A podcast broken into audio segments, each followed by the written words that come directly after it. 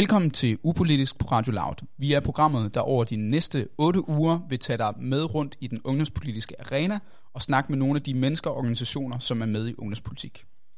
Mit navn er Jakob Skybjerg Kær, og jeg er din ene af dine to medværter. Jeg er formand i Radikal Ungdom København og er sekretariatsfrivillig på Dansk Gymnasieløvers Sammenslutningssekretariat og har været med i ungdomspolitik i cirka tre års tid. Ja, og du er alt for dybt begravet i det. Øh, jeg derimod, jeg hedder Klaas Kirkby Tejlgaard. Jeg har en fortid i ungdomspolitik. Jeg er ude på den anden side, sådan halvvejs. øh, og til dagligt, der driver jeg en række online-medier, øh, blandt andet den borgerlige liberale øh, netavis 180 grader. Vi vil over de næste otte uger øh, snakke om ungdomspolitik og studenterpolitik og de ungdomsorganisationer, der er med der. Vi skal blandt andet forbi, hvad et ungdomsparti er, hvad ungdomspartiers indflydelse er på voksenpolitik, hvordan det er at se tilbage på ungdomspolitik, og øh, snakke om øh, ungdomspartiernes historie. Det finder vi ud af over de kommende uger. Tak fordi du lytter med. Jamen hej og velkommen til. Vi sidder her i øh, SF Ungdoms hyggelige baghus på, ja det er sådan lidt på grænsen mellem Nørrebro og Østerbro øh, på Blejdomsvej her i København. Og vi er rullet ind i baghuset for at besøge Sofie Libert Troelsen, ja. som er landsforkvinde i netop SF Ungdom, og det har du været i øh, et år eller to efterhånden. Lidt over et år, ja. ja. Og ligesom så mange andre, så er jeres uh, landsmøde, jeres landsråd, det er blevet, uh, det er blevet udskudt på grund af corona. Så, ubestemt uh, tid.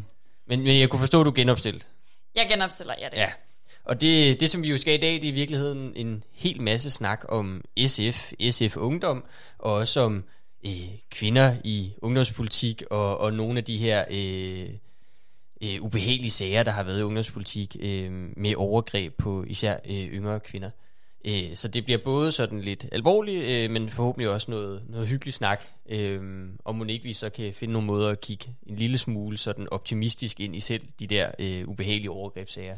Det håber vi i hvert fald. Men tak men, fordi du var med.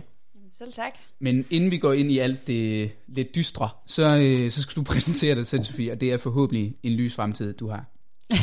Ja, det håber jeg da. Øh, jamen ja, jeg hedder Sofie, jeg er landsforkvinde for SFU. Øh, så øh, er jeg fra Aarhus, øh, og rigtig glad for Aarhus. Øh. Og det kan man måske også høre på det sådan lidt syngende. Ja, ja. Jeg, jeg har sådan lidt nogle gange, så nogle gange så slår jeg ud i sådan noget meget, over i noget meget københavnsk. Jeg ved ikke helt. Øh, men ja, så har jeg en bachelor i matematik, øh, og kan godt lide at nørde tal, synes økonomi er helt vildt spændende, øh, og bliver aktiv i ungdomspolitik for efterhånden mange år siden, øh, ja. faktisk på grund af integrationsdagsordenen.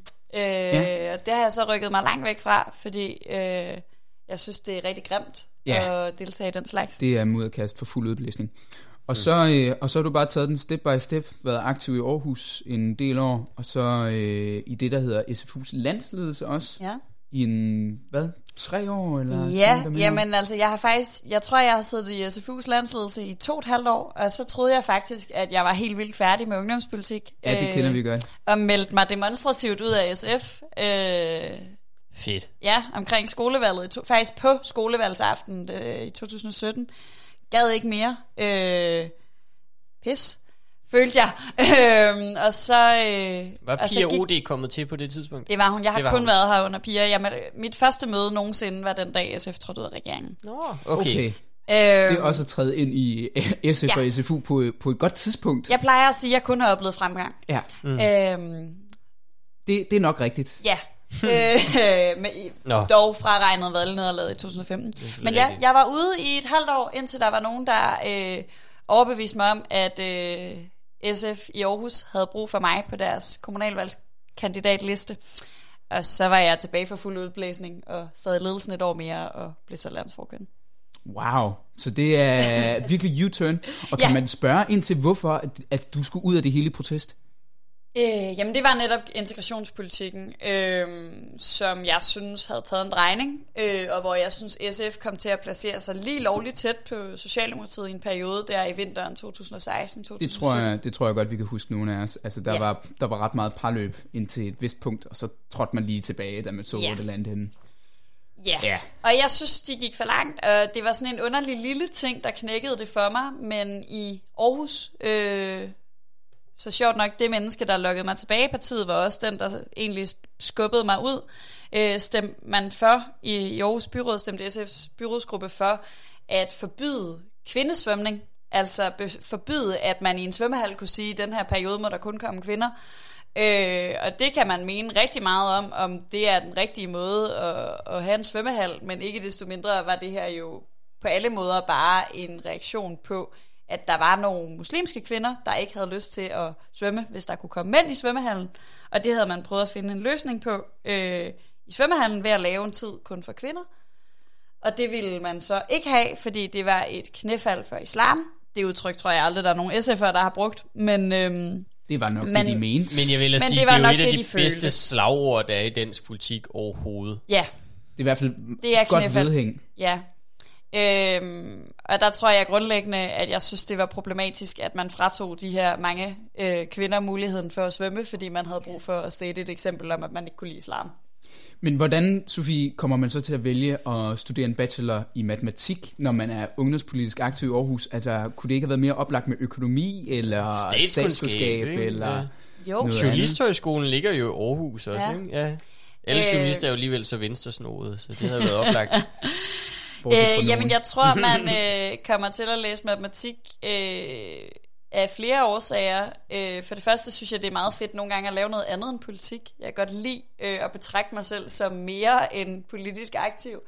Øh, Det kan være svært i tider. ja, øh, og især når det nu er ens fuldtidsjob, men især øh, fordi jeg er helt vildt god til matematik. altså sådan, jeg, Den ligger jeg, bare til højbenet. jeg synes, det er sindssygt nemt, og jeg synes, det er sindssygt sjovt, og jeg t- mener helt grundlæggende nede i min mave, at det, man skal studere, det skal være noget, man synes er sjovt at studere. Øh, og så må vi finde ud af, hvad man kan bruge det til. Øh, Bagefter. Det plejer matematikere er ikke lige frem nogen med høj arbejdsløshed, så jeg er rimelig rolig. Men øh, simpelthen fordi jeg synes, det er sjovt, og jeg er vildt god til det, og øh, Det kommer bare naturligt. at det er jo fedt at lave Ja. noget, man er god til. Altså, Altså, jeg vil sige, Nå, det, det- det, er kan sjældent, jeg har set nogen sidde og snakke matematik med sådan en smil på, som du har lige nu. Ja, det kan lytterne selvfølgelig ikke se, men du lyser faktisk op. Ja. Øh, det er en, en, en mor, der taler om, om sin lille nyfødte baby her. ja. Øh, Men man kan ikke men det er jo land- fedt. Men man kan ikke være landsforkvinde og studere matematik samtidig. Så det er et, et sabbatår mellem bachelor og kandidat, du ruller Lige nu. præcis. Ja. Jeg er frikøbt, Ja. øh, så de forventer, at jeg bruger al min tid på det her, og matematik er lidt et studie, der kræver, at man investerer noget tid Ja, i det. okay. Så, øh, Det er kan måske man ikke så meget et hyggestudie. Ikke, nej. Nej, okay. Det er rimelig Så du, hardcore. du misunder lidt de øh, ungdomspolitiske formænd, der kan køre et studie ved siden af. Jeg ved ikke, Eller- om, nej, jeg misunder Nej, dem okay. faktisk ikke. Jeg synes, det er helt vildt fedt, at jeg kan få lov at fokusere på, på at lave politik. Nu har jeg jo været ind og ud af landsledelse og været kommunalvalgskandidat og sådan noget. og Det er godt nok hårdt at bruge øh, så meget af sin energi på at øh, lave politik, samtidig med, at man gerne vil være god til sit studie og gerne vil gøre sig umage.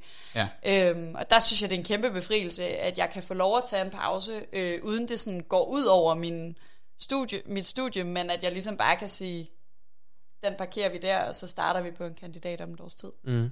Men øhm, nu sagde du, du så blev hævet ind som kommunalvalgskandidat. Men hvordan havner du så fra i virkeligheden at være hoppet ud af SF, til så lige at være på kommunalvalgslisten, til så at blive formand for SF Ungdom? Og lige tage en pause midt i det studie, du elsker og så videre for at lave det? Det er et vildt godt spørgsmål. Jeg tror altid, jeg har brændt vildt meget for det, øh, og så tror jeg på, at jeg kan skabe forandring. Eller sådan, jeg, tr- jeg, og jeg tror, øh, det er sådan noget, man meget sjældent må sige, og det er måske også noget af det, vi kommer til at snakke om senere i dag, at det er meget uvandt, at kvinder siger det, men jeg synes, jeg er sindssygt god til det. Altså sådan, jeg, jeg synes, jeg var den, SFU havde brug for.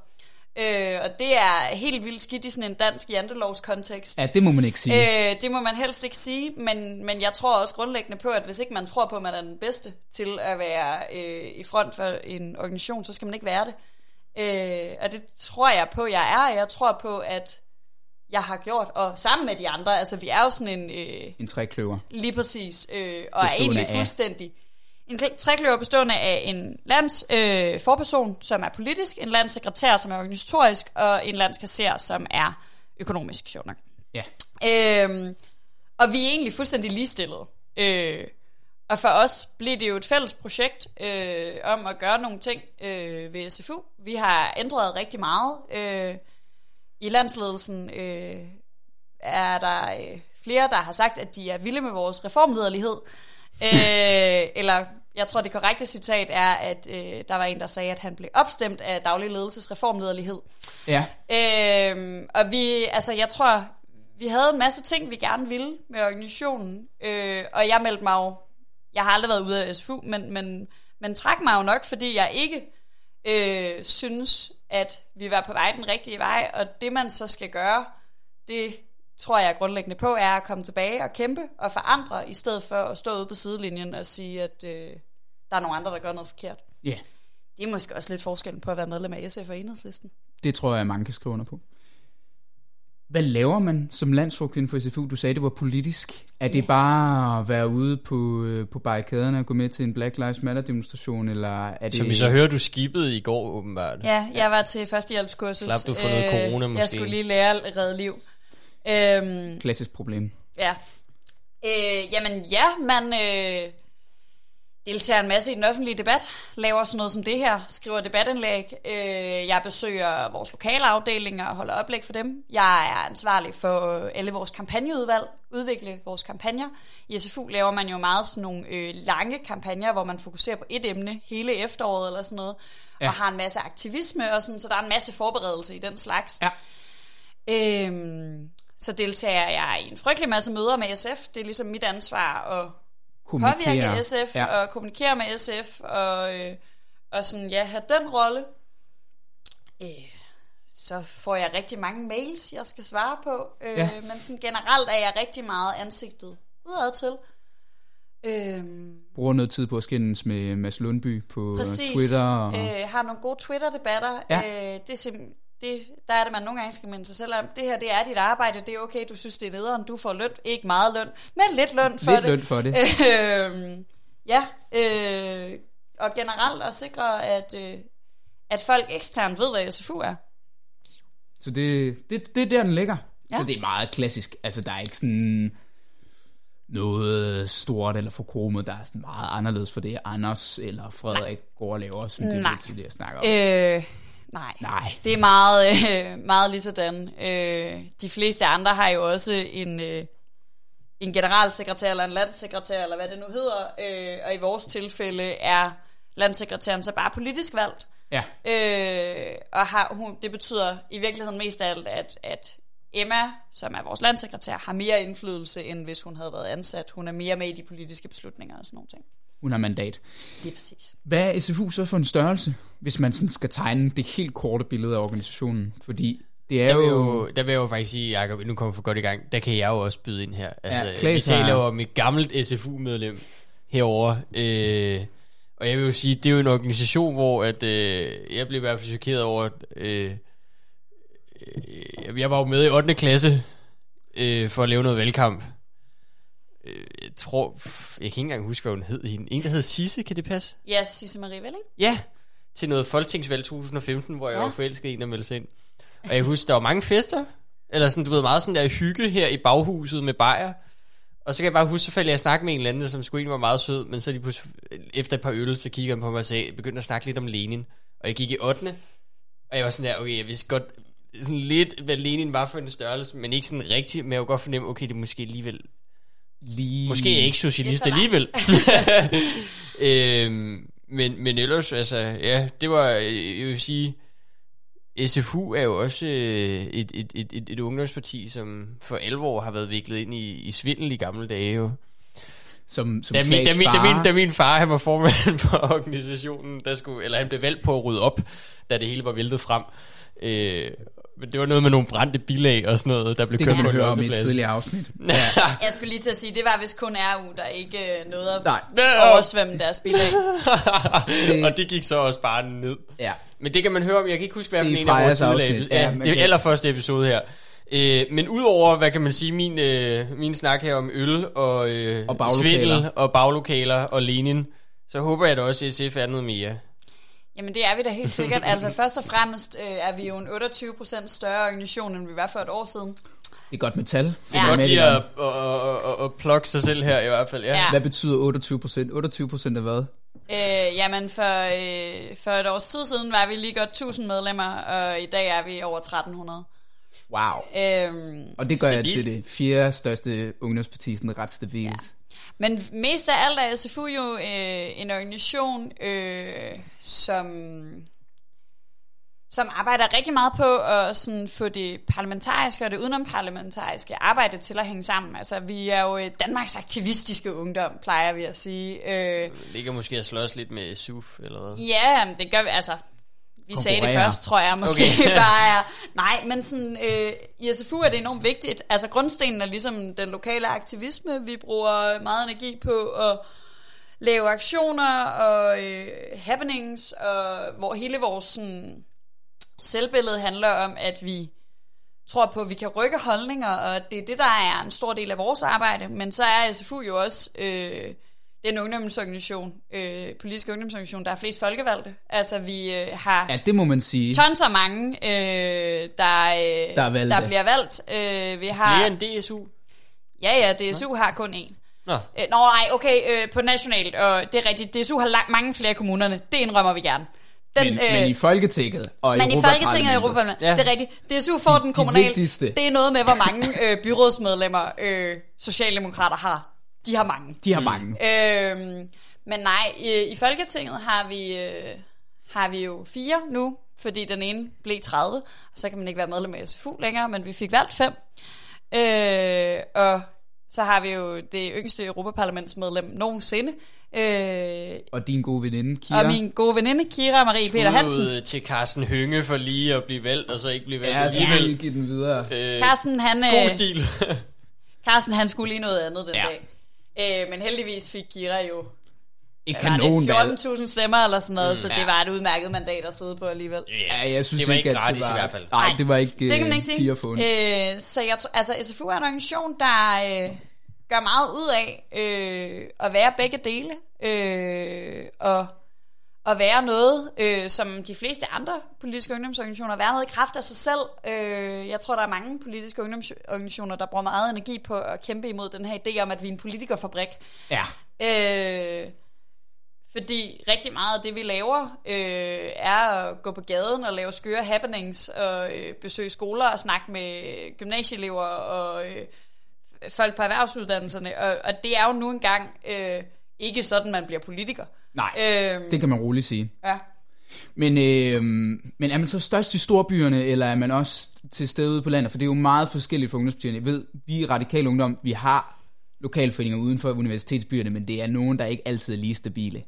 Ej, I er også det ultimative storbyparti. Ja, det må man sige. Vi er virkelig unipartiet. Altså, vi er klart størst øh, i storbyerne. Ja. Øh, men vi har også nogle øh, lokalforeninger i nogle obskure... Øh, altså, for eksempel er vores store afdeling sindssygt stærk. Ja, Øh, og Struer er jo ikke lige frem en Et- storby. nej. Øh, Det kan der, man ikke Det er sige, for eksempel eller- helt vildt svært at komme til Struer med offentlig transport. Det har du prøvet. Øh, ja, det Ja, har jeg. hvor lang Øh, tid eller tager faktisk det? var det i Lemvig. Okay. Øh, fordi Struer kan lade sig gøre, fordi der går øh, et tog fra Aarhus til Struer. Ja, Øh, men det går der ikke til Lemvig. nej. Så jeg måtte ligesom tage et tog til Viborg, og så ringe til SFU Viborg og sige, hej, vil I komme og hente mig i en bil og køre mig til Lemvig? Og det ville de heldigvis godt. Øhm, men ja, vi har en afdeling derude. Øh, hvor lang tid? Ja, det tager for evigt. Jeg tror, For det tager evigt. fem timer Ja. fra København. Så man kan Altså- nå at høre Volbeat rigtig mange gange Og på komme vejen til. Struer, Ja. og så kan du ikke komme videre til Lemvig. Volbeat. Ja, Nå, øhm, så det, det er mest omkring de større byer, men der er centrummer rundt omkring, Vi- som bare er store, Så- fordi... Jeg tror meget, det afhænger af også, altså sådan, det er jo det, når man, når man har det her med, at vi er relativt mange mere eller mindre venstreorienterede organisationer, øh, som er det i sådan en eller anden gradbøjning. Ja. Altså, øh, Der er konkurrence. Og der er også forskel internt i partierne, altså. Ja. Der er også, øh, så hvis der er en, hvis du bor i en lille by, og der allerede er en DSU-afdeling, eller der allerede er en SUF-afdeling, så kan det godt være, at det er sværere at starte en SFU-afdeling op, fordi nogle af dem, der er der, de hælder til noget af det andet. Jeg vil også sige, at vi har fået medlemmer fra SFU Roskilde, fordi SFU Roskilde de lukkede, og så var der ligesom Præcis. ungdom tilbage at ja. være med i. Øhm, Jamen, sådan er det, Klaas, ude på landet. Der, der er ikke så meget at vælge imellem. Ude på landet i Roskilde. Ja, ude på landet i Roskilde. Fuck, Lidt ironisk. Københavnersnude, mand. Ja, Ja, det tager ja. 30 minutter. I- Det er langt væk. Ja, ja, ja, ja, ja. Men, men hvis man nu sådan, nu siger du selv, at, at der ligesom er forskellige venstreorienterede øh, ungdomspartier, som på en eller anden måde kan ligge og i hvert fald øh, nogle steder slås lidt om de samme medlemmer. Hvordan skiller SFU sig så ud fra øh, sådan, hvis man nu tager og siger, at du har Socialistisk Ungdomsfront, SUF, som I nævnte kort før, Det er og så har du ude. den helt nye rød-grøn ungdom, Ja. øh, som vi forgæves har forsøgt at få med i programmet her. Og, og vi, invitationen er stadig åben, hvis I har lyst. Ja. Øhm, Men, men, men, men det, det, det var sgu ikke lige så nemt at få tale. Men hvordan placerer jeg i forhold til dem? Altså fordi, øh, hvad kan man sige... Altså, mit indtryk er, at SUF er dem, der er længst ude. Ja, SUF har øh, sådan... Øh, For at sige det. Altså, enhedslisten har jo rødder i Venstresocialisterne. de tre organisationer, Venstresocialisterne, SAP. Socialistisk Arbejderparti og DKP, Ja. øh, Da- Danmarks Kommunistiske Parti. Mit indtryk er, at der er rigtig mange øh, af dem, der er i SUF, øh, som har en eller anden form for tilknytning til SAP, Socialistisk Arbejderparti. Og det er sådan den lidt mere øh, revolutionære tilgang, end hvis vi kigger Det på... er fjerde internationale.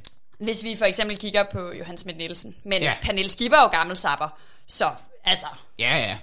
Altså, så vi, far. det er ikke, vi, vi er ikke helt ude, øh, nødvendigvis. Men øh, jo, SUF har jo, altså, jeg tror at lidt, at jeg er den overbevisning, at øh, et hvert ungdomsparti er mere øh, idealistisk end sit moderparti. Øh, Ja. Og SUF er bare endnu... Og, SUF er mere idealistisk end enhedslisten, og er øh, på mange måder øh, også mere idealistisk, end det enhedslisten var engang. Og så er enhedslisten igennem de seneste fem år blevet mere og mere pragmatiske, og det gør måske, at SUF kan virke øh, Skræmmende. mere venstre. Ja, Men, men jeg har altså jeg har et godt samarbejde med SUF, og jeg synes, de er... Øh, søde mennesker. og jeg synes, at der er nogle vigtige forskelle i de ting, øh, som jeg synes er vigtigt at repræsenteret. Altså, at det er vigtigt, at der findes nogen, der er mere revolutionære end os. Øh, Så, så forskellen mellem jer og SUF, det er, at ude hos SUF, der vil man gerne revolution, og det vil man ikke nødvendigvis i SFU. Eller er det for, det, for tror jeg, skarpt? det tror jeg måske er for skarpt, ja, Ja. fordi jeg tror både, at der er folk hos os, der gerne vil revolutionen, og folk hos øh, SUF, der gerne vil reformationen. Ja, okay. Øh, men der er noget i det der, der er noget i metoder, der er noget i sådan noget som, at øh, Struktur. struktur især, SUF har jo flad struktur For, kan jeg ikke i huske, et der var eller en andet gang, hvor jeg skulle, jeg skulle have fat i en fra SUF til andet debatarrangement, jeg skulle lave, og så bliver det vendt i en styregruppe, der mødes i ny og næ, og... Som består af måske små 30 mennesker. og jeg tror kun, de består cirka nå, 10, Det var, det var, det var, det var ikke lige til at finde en altså- landsformand, som man bare kunne hive fat i, vel? Altså, Det er lidt nemmere at få dit telefonnummer. Ja, Ja. jeg er nemmere at komme i kontakt med. Ja. Men ja, jeg tror, øh, der er nogle strukturelle forskelle. Der er især nogle historiske forskelle Ja. også, altså, som øh, betyder noget. Men, men kunne mange SUF'er ikke også bare være med i SFU så? Hvis, jo. jo. Men der er nok mange suffere, der ikke har lyst til at pege på SF, og Nej. ikke har lyst til at samarbejde med SF. Og føre valgkamp for Øh, Og SF. føre valgkamp for SF. Ja. Og, øh, ja. og det er, er jo klart en afgørende forskel, når mm, man Men er en er politisk der- ungdomsorganisation. Men er der også SFU'er, der så hellere vil arbejde for enhedslisten under valgkampen? Er der en gruppe af SFU'er, der går over og leger sig med enhedslisten, når, når valget er udskrevet? Nej. Nej. Øh, men der har tidligere været tendenser til det. Der har været perioder. Øh, altså sådan, der har jo også været perioder af SFU's historie, hvor, de pludselig, hvor der pludselig var en masse, der hellere ville arbejde med Socialdemokratiet. Ja. Øhm, men, men nej, mit indtryk er ikke, men der er da øh, en del SFU'er, der og til er frustreret på SF, fordi SF er et meget, meget, meget pragmatisk parti, og ja. ifølge mig også nogle gange For alt pragmatisk. for pragmatisk. Øh, og man derfor kan være frustreret og have lyst til øh, at arbejde mere sammen med enhedslisten, men jeg tror ikke, altså, nej, Nej. langt de fleste SFU'er synes, at øh, Karl Valentin og Astrid Karø og Lisbeth Bæk Poulsen og alle de her mennesker, som også er udtalte marxister og feminister, er mega nice, og selvfølgelig skal de i Folketinget. Men mm. hvad så med RGU? Har I positioneret jer i forhold til dem endnu? Ja. Eller er de Hvad så synes du om- nye, at, at... Altså, jeg tror måske, Hvad synes du om den er, nye at de dreng på bloggen der? At de skal positionere sig i forhold til os. Ja, Okay. okay. Øh, hvis jeg skal være helt ærlig, altså de har ligesom stiftet sig på baggrund af, at de mener, der er et eller andet hul på venstrefløjen, og jeg har ikke fundet det hul. Øh, men de, øh, og jeg synes, de klarer det flot, og jeg er meget imponeret over, at de er, er startet op øh, så godt. Øh, indtil videre har de ikke ment noget, vi ikke mener. Nej, okay. Øhm, så jeg har svært ved, at position, altså svært ved at svare på, hvor de ligger i forhold til os, fordi lige nu ligger de lige oven i os politisk. Ja, okay. Øh, men, Men de leger mest med enhedslisten, kan man sige. Ja, de vil yeah. gerne støtte enhedslisten, og de vil gerne lave... De går meget op i campaigning og sådan noget. Ja, øhm, det er basically kun og- campaigning af mit indtryk. Øhm, og det... øh, Og der er I mere parlamentariske. Altså, der, der synes I også, det er fedt at have nogen valgt ind på Christiansborg, eller... Jamen, der tror jeg i virkeligheden, vi, er udenom men- parlamentariske, fordi Ja, okay. de er meget sådan campaigning i kraft af at få enhedslisten frem som projekt. Ja, Og vi er meget sådan campaigning i kraft af øh, rykke nogle holdninger aktivistisk. Ja, okay. Øh, og så er jeg sgu ligeglad med, om de stemmer SF, bare de har forstået, at øh, øh, hvad hedder det, adgangskrav ja. til gymnasierne er noget lort. Men Eller altså, sådan, øh, eller der skal ja. psykologhjælp til unge, som også... gratis har med- psykologhjælp. Ja. Ja. noget, Altid. som, noget, som jeg har tænkt over Rød-Grøn Ungdom, det var egentlig bare mere, at sådan som jeg har set projektet, der kan jeg egentlig måske godt se en mening i det, fordi Socialistisk Ungdomsfront er jo sådan lidt løst tilknyttet enhedslisten, og det er også et, et ungdomsparti, hvor der er sådan relativt mange, der også hænger ud i antifa-grupperinger og så videre, så videre, så det kan have øh, et, et, ligesom på den måde nogle, et skidt ry. Og så mit indtryk var med AGU, der vil du så lave sådan en, som var sådan mere, ligesom for eksempel SF og SFU, sådan mere direkte ungdomsparti på en eller anden måde, som var lidt mere Havde renset bedre for, ry. lidt, havde bedre ry og var lidt mere renset for nogle af de der øh, eksistenser, som øh, Hel- går rundt med, med mas- maskering øh, på Nørrebro og sådan noget, ikke? Det tror jeg klart har været en del af intentionen, men nu er det jo lidt en myte, det der med, at SUF skulle have mindre at gøre med enhedslisten, end alle vi andre har med okay. vores øh, moderpartier. Altså sådan... Øh, Det, det er bare noget, enhedslisten gerne vil holde ud i strakt arm. Fordi, Ja, og de gerne vil state hele Okay. tiden, fordi de ikke har lyst til at være netop parlamentariske og sådan noget, men, men altså, mit indtryk er sådan set, at, at altså, de har været tidligere sådan medlemsmæssigt knyttet meget tættere op på Okay, enhedslisten, ja. ja. end nogen af os andre nogensinde har været. Mm, og sådan ja, noget. okay. Så på den måde tror jeg, at det lidt er sådan en fortælling, de godt kan lide at holde ud, øh, altså skabe, Holde op foran fordi, sig, ja. fordi det sådan vil være bevægelsernes parti, og vi er to separate bevægelser, der samarbejder og sådan noget. Øhm, hvor jeg, Rød Grøn Ungdom, har meget sådan en ungdomsparti. Der er jo også noget med, at man bruger begrebet politisk ungdomsorganisation eller ungdomsparti, Ja. som tit har sådan, jamen, hvordan positionerer du dig? Og de vil rigtig gerne bruge betegnelsen ungdomsparti, hvor Ja. der måske er nogle af os andre på venstrefløjen, der rigtig gerne vil være fri for at bruge den betegnelse. Ja, det var i hvert fald også noget af den samtale, vi havde om Frederik Vad, med at han synes, ja. Ja. at det var mere en bevægelse, end det var Præcis. et parti. Øh, Øh, hvorimod, hvis man går over på sådan, altså radikal ungdom, venstres ungdom, altså der er man meget parti-parti. Altså, der er ja, ikke så- har ordfører og Ja, sådan nogle ting. ja. Ja. Men det har man ikke i SFU. Altså det er den der landsledelse på 14 mand, og så jeg i formandskabet, der ligesom kører det, og så nogle topstyret. Mm, nej, det er jo netop ikke topstyret i den forstand, at vi jo vedtager al vores politik øh, i... I- Og, la- altså landsledelsen er jo 14, øh, hvad hedder det, landsmødvalgte, Ja, og så alle dem fra distrikterne. ja okay. Så den kan være op til 31 mennesker, tror jeg. Okay, Så den kan være meget stor. den kan være meget stor, men det er den ikke i øjeblikket. Nej, Nej. Øh, for det afhænger af, øh, hvor der er aktive, og hvem der har valgt en repræsentant ja. for deres distrikt og sådan nogle ting. Ja. For tiden tror jeg, at vi er en 20 mennesker eller sådan noget. Men så, så al politik og alle store organisatoriske beslutninger bliver ligesom er træffet på landsmødet, hvor mange andre ungdomspartier arbejder mere i forretningsudvalg og Ja. hovedbestyrelser. Vi har man også tager det hele på landsmødet. Ja, okay. Jamen altså, vi vedtager en, ar- et, en arbejdsplan mm. og, øh, og et politisk papir på hver landsmøde, ja. Der forstår jeg bedre, hvorfor I ikke vil tage det virtuelt i hvert fald. Ja, ja. Hvis der bare lige skulle vælges nogle mennesker og Ja, klappes præcis. lidt, så var det lidt nemmere, men vi har ligesom brug for at mødes for at kunne vedtage den der øh, ja, arbejdsprogrammet ordentligt. Du nævnte det lidt tidligere, og det er jo mange, måske også den der Klaas, der blev lidt skræmt over det, da han var med i SFU helt til at starte. Men I er marxister. Ja. Og det er der Jakob, mange... jeg var jo en forvirret ung mand, der var Ja, ja, men en altså, pige, ja, okay.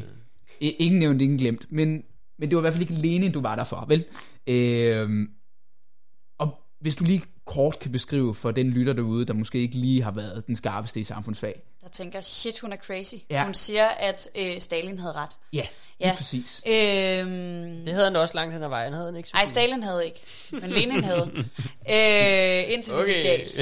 Hvad betyder marxisme? Marxisme betyder, at, øh, at der er øh, et grundlæggende øh, problem i, hvem det er, der øh, tjener pengene, og hvem det er, der producerer. Øh, når et helt almindeligt menneske går på arbejde, så skaber det en masse værdi for en virksomhed.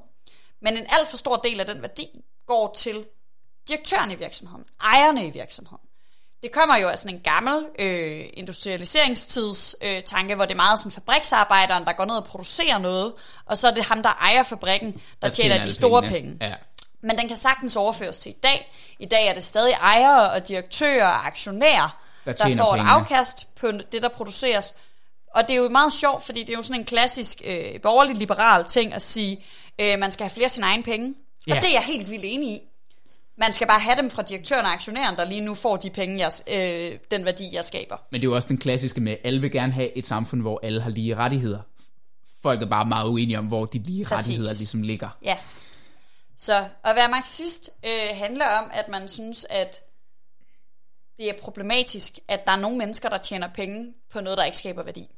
Men øh, kan man så ikke sige, at sådan noget med, med at lede arbejdere eller opbygge en organisation, er det ikke øh, at skabe værdi? Jo, at være leder kan godt skabe værdi. Ja. Nogle mennesker tjener meget mere øh, på at være ledere, end hvad de skaber værdi. Ja. Men at være aktionær skaber ikke værdi. Nej, okay. Så det er den der tankegang om, at hvis, hvis man har penge investeret i en virksomhed, så skal man ikke have et Ja. Et godt eksempel kunne være, øh, vi så taler meget om. Medarbejderejede virksomheder. Ja, At hvis vi er en gruppe mennesker, der har en virksomhed, så ejer vi den sammen. Det er os, der arbejder der. Så vælger vi blandt os en til at lede vores virksomhed. Så er det lederen. ja. Men når der er vækst i virksomheden, så får vi alle sammen gavn af det. Vi kan godt i fællesskab demokratisk vedtage, at lederen får mere gavn af det, end vi andre gør. Det kan vi godt blive enige om.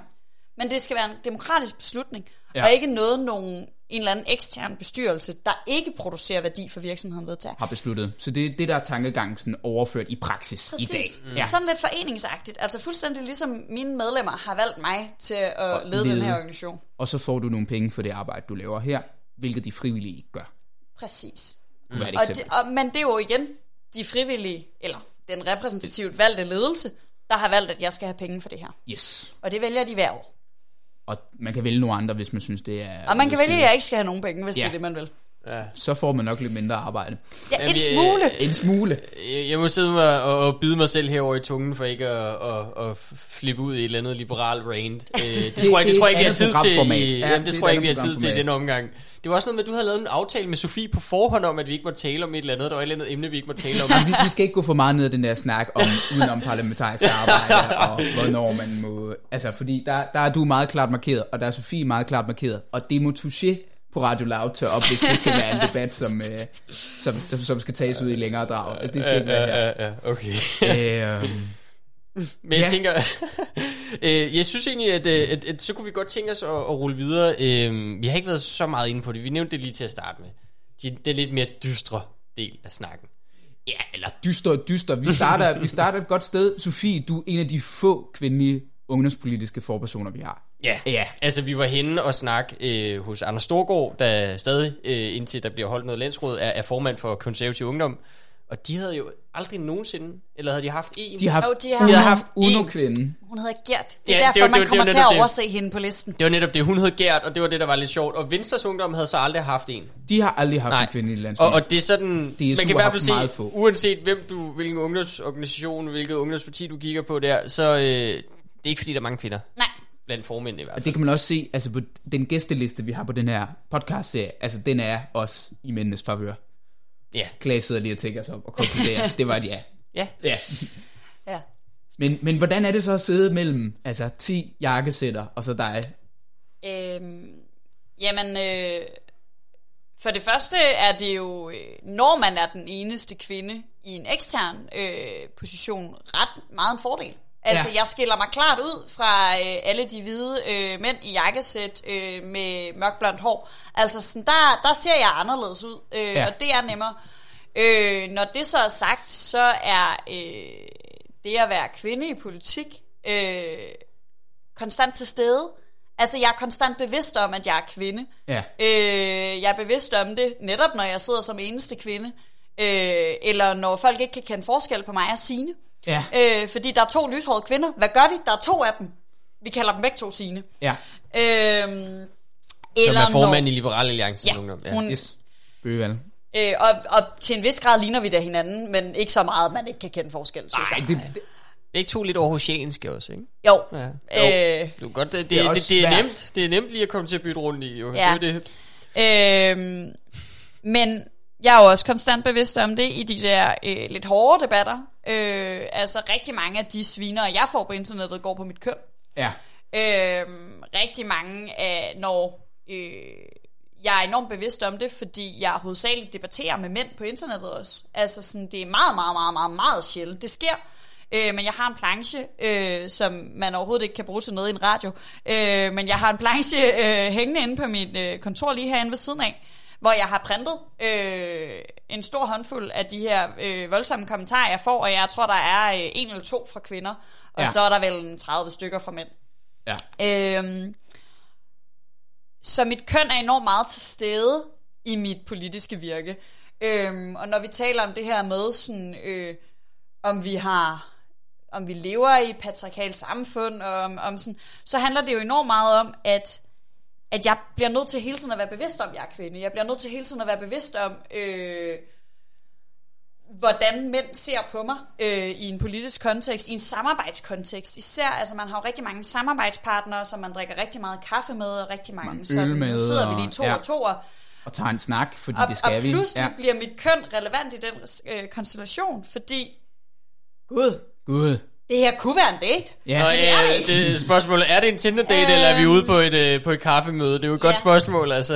Og sådan, så jeg tror, Klassiske altså, det der med at være kvinde i, i politik, Jamen, jeg kender godt det der. Folk bliver altid i tvivl. Er det, en, er det en Tinder-date, vi er på, eller er vi ude og lave business nu, Klaas? Altså, ja, Okay. så man er hele tiden opmærksom på det. jeg er Ja. hele tiden bevidst om mit køn. Man er hele tiden the odd one out på en eller anden måde, eller hvordan? Ja. Præcis. ja. Og jeg kan ligesom ikke lægge det fra mig. Jeg kan ikke beslutte mig for en dag, ikke at have taget mit køn i betragtning. Altså, det er jo helt ned i, hvordan man klæder sig som kvinde. Du kunne troppe op en dag og sige, nu er jeg mænd. altså, jamen, Men det også, tror jeg måske ville lave mere, øh, flere issues end... Øh, det vil det nok alligevel, ja. Men altså også det der med, at man, at man ikke bare smiler, som man måske ville gøre til en veninde, eller ja. altså griner på en bestemt måde for mange jokes, eller altså Men det er jo alene, også hvis sådan, du læser de kommentarer, der nogle gange er, øh, og som der potentielt kan komme til det her, altså sådan, øh, øh, altså de ord, folk bruger om at beskrive mig og min stemme, og den, netop den måde, jeg griner på, og Ja. den måde, jeg øh, Skinger må ord, reagerer på. Jeg er ofte. skinger, jeg er Ja. ja. hysterisk, jeg er... Øh, Jamen, ja. jeg er fjantet, jeg er fnisende, jeg er alle mulige ord, som, som du simpelthen ikke bruger om mænd. Mm. Men, men Har er du det... prøvet at være fjantet, Klaas? Jeg tror, jeg, jeg, jeg kan godt være fjandet, vil jeg sige. Det er ikke noget der. Men, men øh, er, det, altså sådan, er det sådan, at du har en fornemmelse af, at du er nødt til at lægge bånd på dig selv, eller hvad man skal sige? Altså sådan, er opmærksom på det, og så prøve at styre din adfærd for ikke at blive udsat for sådan nogle kommentarer? Eller Helt hvordan er det? Ja. Helt sikkert, i høj grad. Øh, og jeg kan mærke, at det påvirker mig. Altså, det er jo også den der med, når vi snakker om det her med tonen i debatten og sådan noget, så er der tit nogen, der siger, "Men du kan bare lade være med at lade dig påvirke. Du kan mm. bare lade være. Altså, du kan bare ignorere dem. Det er jo bare, det er jo bare nogle usle små mænd, der sidder øh, ude på internettet og ikke har andet at give sig til, end at svine dig til. Og det er jo rigtigt. Altså, det er langt de fleste af dem. Nogle af dem er så cheføkonomer i Cepos. Men Men de går typisk ikke så meget de på taler kønnet. typisk pænere. Ja, øh, de, ofte på alderen, men ikke så meget på kønnet, nej. Ja. Øhm, Aldersdiskrimination er også generelt sådan socialt mere acceptabelt et eller Ja, andet ja, sted. det er meget mere acceptabelt at sige, at jeg er dum, fordi jeg er ung, end at sige, at jeg er dum, Det, fordi jeg er bliver, kvinde. det bliver alle unge udsat for, det der. Det er jo helt Præcis. vildt, Øhm, men, men det går jo ind på, og jeg bliver enormt bevidst om det, når, når jeg har været i radioen øh, og diskuterer med Mikkel Bjørn, som er formand for Nyborgerliges Ungdom, og han deler et klip med det, og alle hans følgere skriver om, hvor irriterende jeg er. Så sidder jeg der og tænker, shit, var jeg så irriterende? Jeg har for eksempel ikke tur at høre det klip, fordi hvad nu, hvis jeg er så irriterende, som de siger? Ja. Og så er det jo, altså så ved man virkelig ikke, hvad man skal gøre sig selv. Men, men det er jo en generelt udbredt tendens, at der er færre kvinder i politik og i ungdomspolitik end i vokspolitik. Og hvordan, altså nu sidder I som en landsledelse uden penis. Altså hvordan arbejder I med det i SFU? Altså, hvordan vi arbejder med ikke Altså- at have nogen penis, eller... Fordi det synes jeg, det klarer jeg fint, Nå, tak. men, men, men hvordan, hvordan laver man en kultur i et ungdomsparti, hvor der er flere kvinder, der har lyst til at stille op til ledende positioner? Fordi noget af det, vi har arbejdet med i Radikal Ungdom, det er, at vi kan se, at der er rigtig mange kvinder, i, der er En lokal... landsledelse uden penis. Du kan bare noget med ord, men... Ja, men, ordsmed herovre. Men det er noget af det, vi har arbejdet rigtig meget med i Radikale Ungdom, det er, at vi kan se, at i vores lokalledelser, i afdelinger rundt omkring i landet, øh, der er der en ret lige kønsfordeling.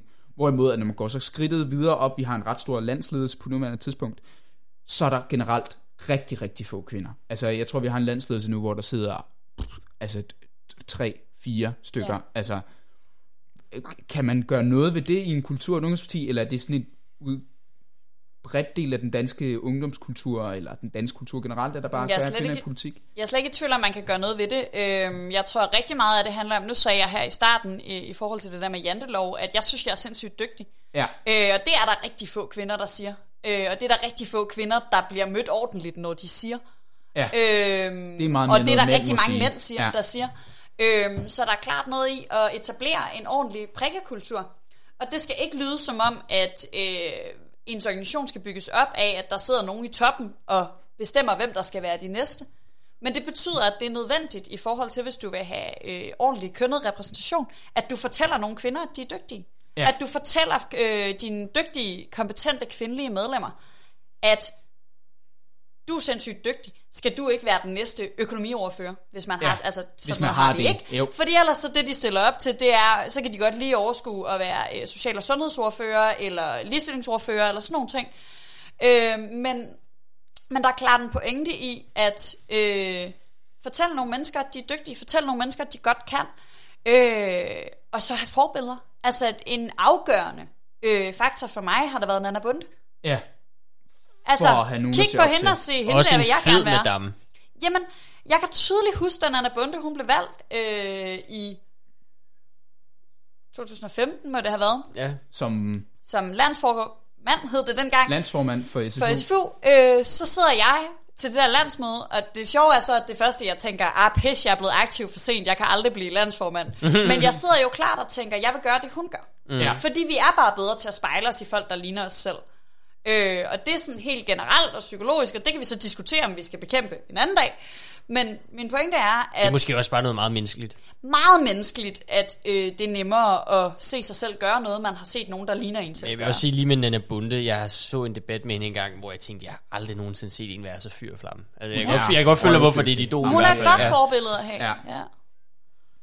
Ja, men altså, øh, hvis, hvis vi nu, øh, der er ligesom en generel samfundskultur, som så også bliver afspejlet i ungdomspartierne. Helt men sikkert. her hos SFU virker det jo så til, altså sådan, at de på en eller anden måde, i hvert fald har fået arbejdet med det, så der er flere kvinder. Og er det virkelig, som Jacob sagde, en landsledelse uden penis? Men altså, det er Altså- også det der med, at Altså- en lands, landsledelse med kun penis er jo meget mere udbredt end en, end en landsledelse uden penis. Altså, Altså det, det organ, vi har, der hedder landsledelse, som er sådan den store Ja. hovedbestyrelsesagtige ting, der er 50-50. Okay, Øh, ret pænt så når han siger 50-50. landsledelse uden penis, så er Men det den i vores daglige... lille daglige ledelse, der Ja. er de tre mennesker, ja, nej, der er ingen penis. Mm. Øh, Men vores, er, men er det fordi, I har kunne finde ud af at, at få, ligesom du siger, måske lavet en anden prikkekultur, eller...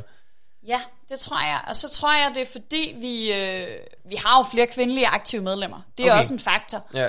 Øhm, men vi har gjort rigtig meget for at arbejde med de her kulturelle ting. Vi har, øh, det er sådan noget, der kan få øh, nogle mennesker til at se helt forfærdeligt ud, men vi holder jo formøder øh, ja. til alt muligt. Øh, i, vi har i overvis, altså så længe jeg har været med, og sikkert mange, mange år inden da, holdt formøder på vores, øh, hvad hedder det, landsmøder, hvor det hed gruppedebatter, øh, og de også var opdelt Mundret. de var opdelt tilfældigt. Altså det er ikke Ja. ja. sådan, at det nødvendigvis be- behøver at være opdelt kønnet, men det her med, at du mødes i en lille gruppe og taler dine argumenter igennem, så er det mindre skræmmende at gå op og tage dem på talerstolen bagefter. Ja. Og der er alle de der øh, oftest mænd, der har en masse pondus og går på mod, og de ved, de er den bedste. De skal nok gå på talerstolen, uanset om der er en gruppedebat eller ej. Men Eller om de er sandsynligheden... 14, eller om de er 24. Præcis. Altså. Men sandsynligheden for, at den mere forsigtige, øh, eller bare helt almindelige gennemsnitlige kvinde gør det, øges klart af, at man har fået lov at teste sine argumenter af og snakke dem igennem og sådan noget inden.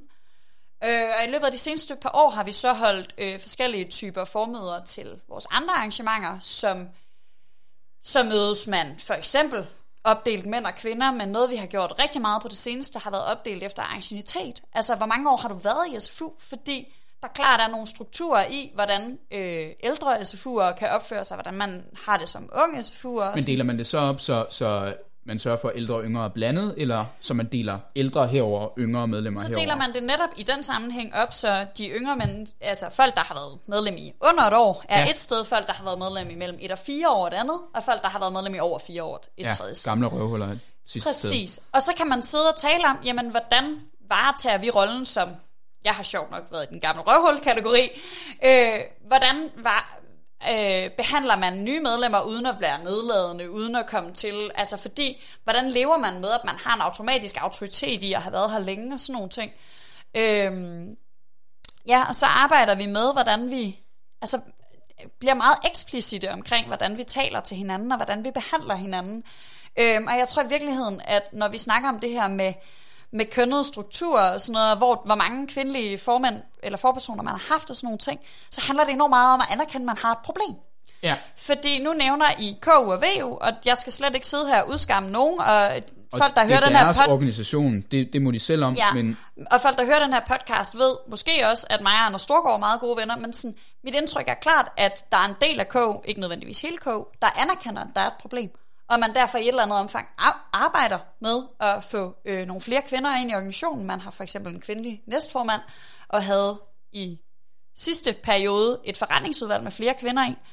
Øh, og man i VU, når jeg har talt med dem, har insisteret på, at man ikke har et problem ja, Og hvis ikke man anerkender, at der er et problem, hvis ikke man anerkender, at der er nogle strukturer, der er nogle forhindringer, vi kan kalde det, hvad vi vil, vi behøver ikke have sådan en marxistisk strukturanalyse og sidde sådan ligesom mig at sige, det handler om magtstruktur. Men eller man, nødvendigvis have en venstreorienteret analyse på, hvad løsningen skal være, men, men bare man anerkender, at der er men flere mænd her. der er et eller andet, der gør, at kvinder ikke stiller op. Ja, Skal vi gøre noget ved det? Det kan man så, altså, så kan der være nogen, der siger, nej, det skal vi ikke. Så løser du ikke problemet. nej, Øh, eller, men det er et bevidst valg. Men, men hvis du aktivt siger, "Jamen, okay, vi skal gøre noget ved det. Og jeg mener faktisk ikke, det er nogen særlig venstreorienteret løsning. Jo, måske det med formøderne.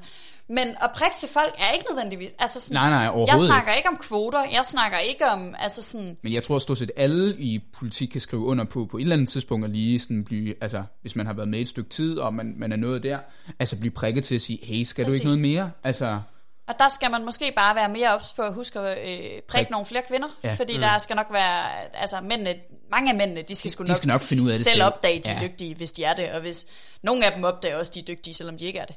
ja, Ja, øh, og øh, hvad kan man sige, det her som du så sidder og snakker om med, at der ligesom er en kultur eller et eller andet, nogle strukturer, som gør, at det kan være sværere for kvinder. Øh, Øh, nu fik vi snakket en lille smule om i indledningen, at vi ville komme ind på det, og det kan vi jo så lige gøre passende her på øh, fælderevet.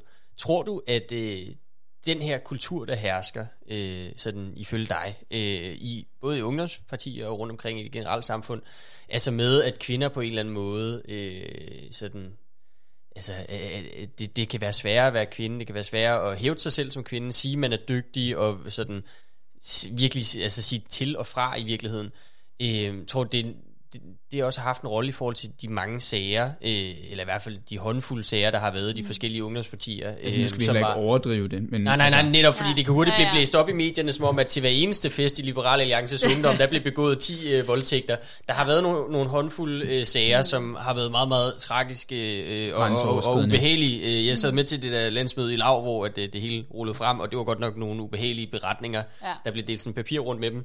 Men tror du, altså, tror du, det spiller ind i forhold til, hvorfor der har været de her sager? Altså, Jamen, der er, altså, jeg er da slet ikke i tvivl om, at... Jeg skal lige finde ud af, hvor jeg vil starte. Ja, Øhm, jamen, hvordan kan det være, start de det her sted, sager? hvor, Ja, hvor men du altså, ligesom... fordi det første, jeg tror, jeg vil sige, det er, at jeg er slet ikke i tvivl om, at de problemer, vi ser i ungdomspartierne, også sker i alle mulige andre ungdomsorganisationer. Mm. Øhm, altså, det er jeg slet ikke i det, tvivl om. det, det sker også i Det spejderorganisationer. sker helt sikkert også hos spejderne og alle andre steder, hvor der ja. er en eller anden form for hier- hierarkisk struktur. Ja. Der er måske nogle pointer i, at der er nogle øh, politiske ungdomsorganisationer, hvor hierarkiet er Mere meget tydeligt. dybt og Ja. meget tydeligt. Øh, og så nogle pointer i netop det her med, hvad forventer vi af mænd og kvinder, og, øh, og, og sige fra, og hvornår skal du se noget som, som en kompliment? Hvad kan du, altså, og i den her verden, hvordan øh, er man, altså, hvordan er man en god, øh, det lyder helt vildt underligt at sige, men hvordan er man en god kvinde i ungdomspolitik? Ja. Altså, fordi, hold kæft, var der mange, der synes, jeg er en stridsnerve. Altså, hvis jeg, er- men, men hvordan, hvordan passer man ligesom ind i, i, det der, øh, i den der verden, hvor man på en gang er ung og gerne vil have lov at kysse på folk til fester. Og, og give gerne, den gas og Øhm, fest igennem, og på, på samme tid også siger fra, når, når det ligesom bliver for meget. Præcis. Øhm, og jeg tror, at noget af det, der er rigtig farligt ved de her sådan, hierarkiske ungdomsmiljøer, øh, det er, at, at, der, at de strukturer, der allerede er i vores samfund, der gør, at der er mange overgreb. Altså sådan, der, er- ude, i, ude i den virkelige verden er der øh, for mange, der bliver voldtaget. Ja. Øh, Det kan man altid blive enige om. Altså, Ja, øh, og det er klart min analyse, at de gør det, fordi vi har nogle kønnede strukturer. Der er en grund til, at det er flest kvinder, der bliver voldtaget. Øh, og de strukturer vil altid også være i ungdomspolitik, og nogle gange vil de blive forstærket af de hierarkiske strukturer, der er. Men mit indtryk er, at langt de fleste ungdoms, øh, politiske ungdomsorganisationer gør rigtig meget for at arbejde med det her. Langt de fleste øh, gør sig umage med at øh, hjælpe ofre. Øh, så har man forskellige politikker om, hvordan man gør. Vi har haft sådan en politik i overvis om, hvordan man håndterer sådan nogle øh, situationer. Øh, der er nogle ungdomspartier, der først prøver det nu, sådan rigtigt. så er der nogen, der er ved at udarbejde dem nu, men, men øh, mit indtryk er, at alle har en eller anden vilje til at skabe et trygt miljø. et tryggere rum øh, i, i ungdomspolitik. Og jeg har, altså, og det er jo, der må jeg bare sige, SFU er sgu det tryggeste ungdomsrum, jeg nogensinde har været i. Altså, Ja. ja. jeg har været langt mere bange for at gå i byen, eller gå til gymnasiefester, eller gå til altså fester alle andre steder end i SFU. Og Ja. det er nemt for mig at sige nu, hvor jeg sidder på toppen. Men Ja, sådan og- var det også, da jeg var Ja. nyt medlem. Mm. Men ellers, hvis man sådan... Hvis du så tog i byen eller til gymnasiefest, er det sådan noget, hvor man... Øh, jeg har oplevet, er bange? Øhm, altså, jeg er ikke bange, når jeg går i byen, nej. Nej. Men, jeg kan, men jeg synes, det er enormt utrygt, hvis folk øh, rører ved mig mm. i byen. Øh, ja. Og især, hvis det er mørkt. Altså sådan, øh, og jeg kunne aldrig drømme om, øh, og, og det er jo faktisk løgn, jeg skulle til at sige, at jeg aldrig kunne drømme om at gå alene hjem fra byen. Men der er klart tilfælde, hvor jeg går alene hjem fra byen, hvor jeg er enormt utryg. Øh, og det er jo, en- altså, det er jo også en del af at være kvinde, og det er en del af at være kvinde, uanset om man er i politik eller ej. Det er, at man tager en høretelefon i og, og Ja, går og lige præcis, og nøglerne og- mellem knorene, Ja. og altså vi kan Ja, det alle laver jeg også, lave, det- lade som om man snakker i telefon. Hold kæft, hvor jeg snakker meget i telefon midt om natten. Altså jeg ved ikke, Ja. hvem det var, der skulle være i den anden ende. Jeg Øh, laver der tit den med nøglerne, faktisk. Øh, ja. Ja, Men hvis alle går og snakker i telefon om natten, så må de jo snakke med nogen på en eller anden måde. Man burde have sådan en hotline, man kunne ringe ind til. Ja. Og så var der bare nogen i den anden ende, man kunne smalltalk med, mens mm. man gik hjem fra byen. Det er faktisk ikke en helt dum idé. Fordi, men ellers så er det jo også nogle sjove Gratis samtaler, man iværksætteridé til, til Ja, den hurtige er derude. derude. Men vi er jo også en træls erkendelse af et problem. Altså hvis, mm. hvis det er den slags løsninger, vi arbejder med. Øh, Men, men er der så styr på det nu, tror du, Sofie? Jeg tror ikke, der nogensinde bliver styr på overgreb noget sted. Altså, men jeg tror, det er afgørende for ungdomspartierne, eller for de politiske ungdomsorganisationer at arbejde med, at dem, der er ved at udarbejde en politik, det er, øh, at man gør noget øh, for at sikre de ofre, der uundgåeligt vil være. At, og så synes jeg, at der er nogle ungdom, politiske ungdomsorganisationer, der tager fejl, når de mener, at de skal lege, at når de siger, vi kan ikke lege domstol, vi kan ikke, øh, alle skal være, er uskyldige til det modsatte bevist. Øh, jeg mener ikke, det er en menneskeret at være medlem af øh, en, en politisk ungdomsorganisation, og jeg mener ikke, jeg fratager nogen noget, som de burde have ret til ved at sige, du kan ikke være her længere, fordi der er et menneske, der har oplevet noget grænseoverskridende. Og så kan det godt være, at vi ikke kan bevise det. Det kan godt være, at offeret ikke vil anmelde det. Men jeg mener sagtens, at vi som politisk ungdomsorganisation kan sige, du kan ikke være med her længere, selvom der ikke er nogen, der vil øh, indskrive en politianmeldelse. Og det er mm. egentlig det budskab, du gerne vil sige til ungdomsorganisationer derude, det er, at man, godt kan, man kan godt handle på det, selvom der ikke er, at man ikke er domstol. Ja, Ja. Og måske kan vi også sige til eventuelt bekymrede forældre, der skulle sidde og lytte med, man kan altså som udgangspunkt relativt trygt og roligt sende sin, øh, sin lille perle, sit lille guldkorn til fest i ungdomspartier. uden tvivl, som sagt, ja. meget sikrere end gymnasiefest. Ja, det er godt at høre. Sofie, hvis man skal fange dig, hvor, øh, hvor er du mest aktiv på de sociale medier? Vi hørte noget om Twitter. Jamen, jeg er sygt, blevet sygt aktiv på Twitter. Jeg ved ikke, hvad det er. Jeg, pludselig synes jeg, det er et fedt medie. Jeg hedder Sofie Lippert på alle medier. Det er meget Alle nemt, medier. men, øh, men Twitter er øh, en, Din en god vej ind. Ja. Ja. Udmærket. Jamen, så med de ord... Øh, De så- bevingede ord, så vil jeg gerne sige mange tak, fordi du var med. Tak fordi vi Og- måtte kigge forbi baghuset her. Tak fordi vi Ja, men det er nogle hyggelige lokaler. Vi håber, I får råd til at renovere dem, hvis uh, Det håber vi fingers også. crossed. Nu skal jeg fandme hen på torvet og have en kebab, du. ja, men det er i orden. Vi er ude. Tak fordi du lyttede til Upolitisk på Radio Loud.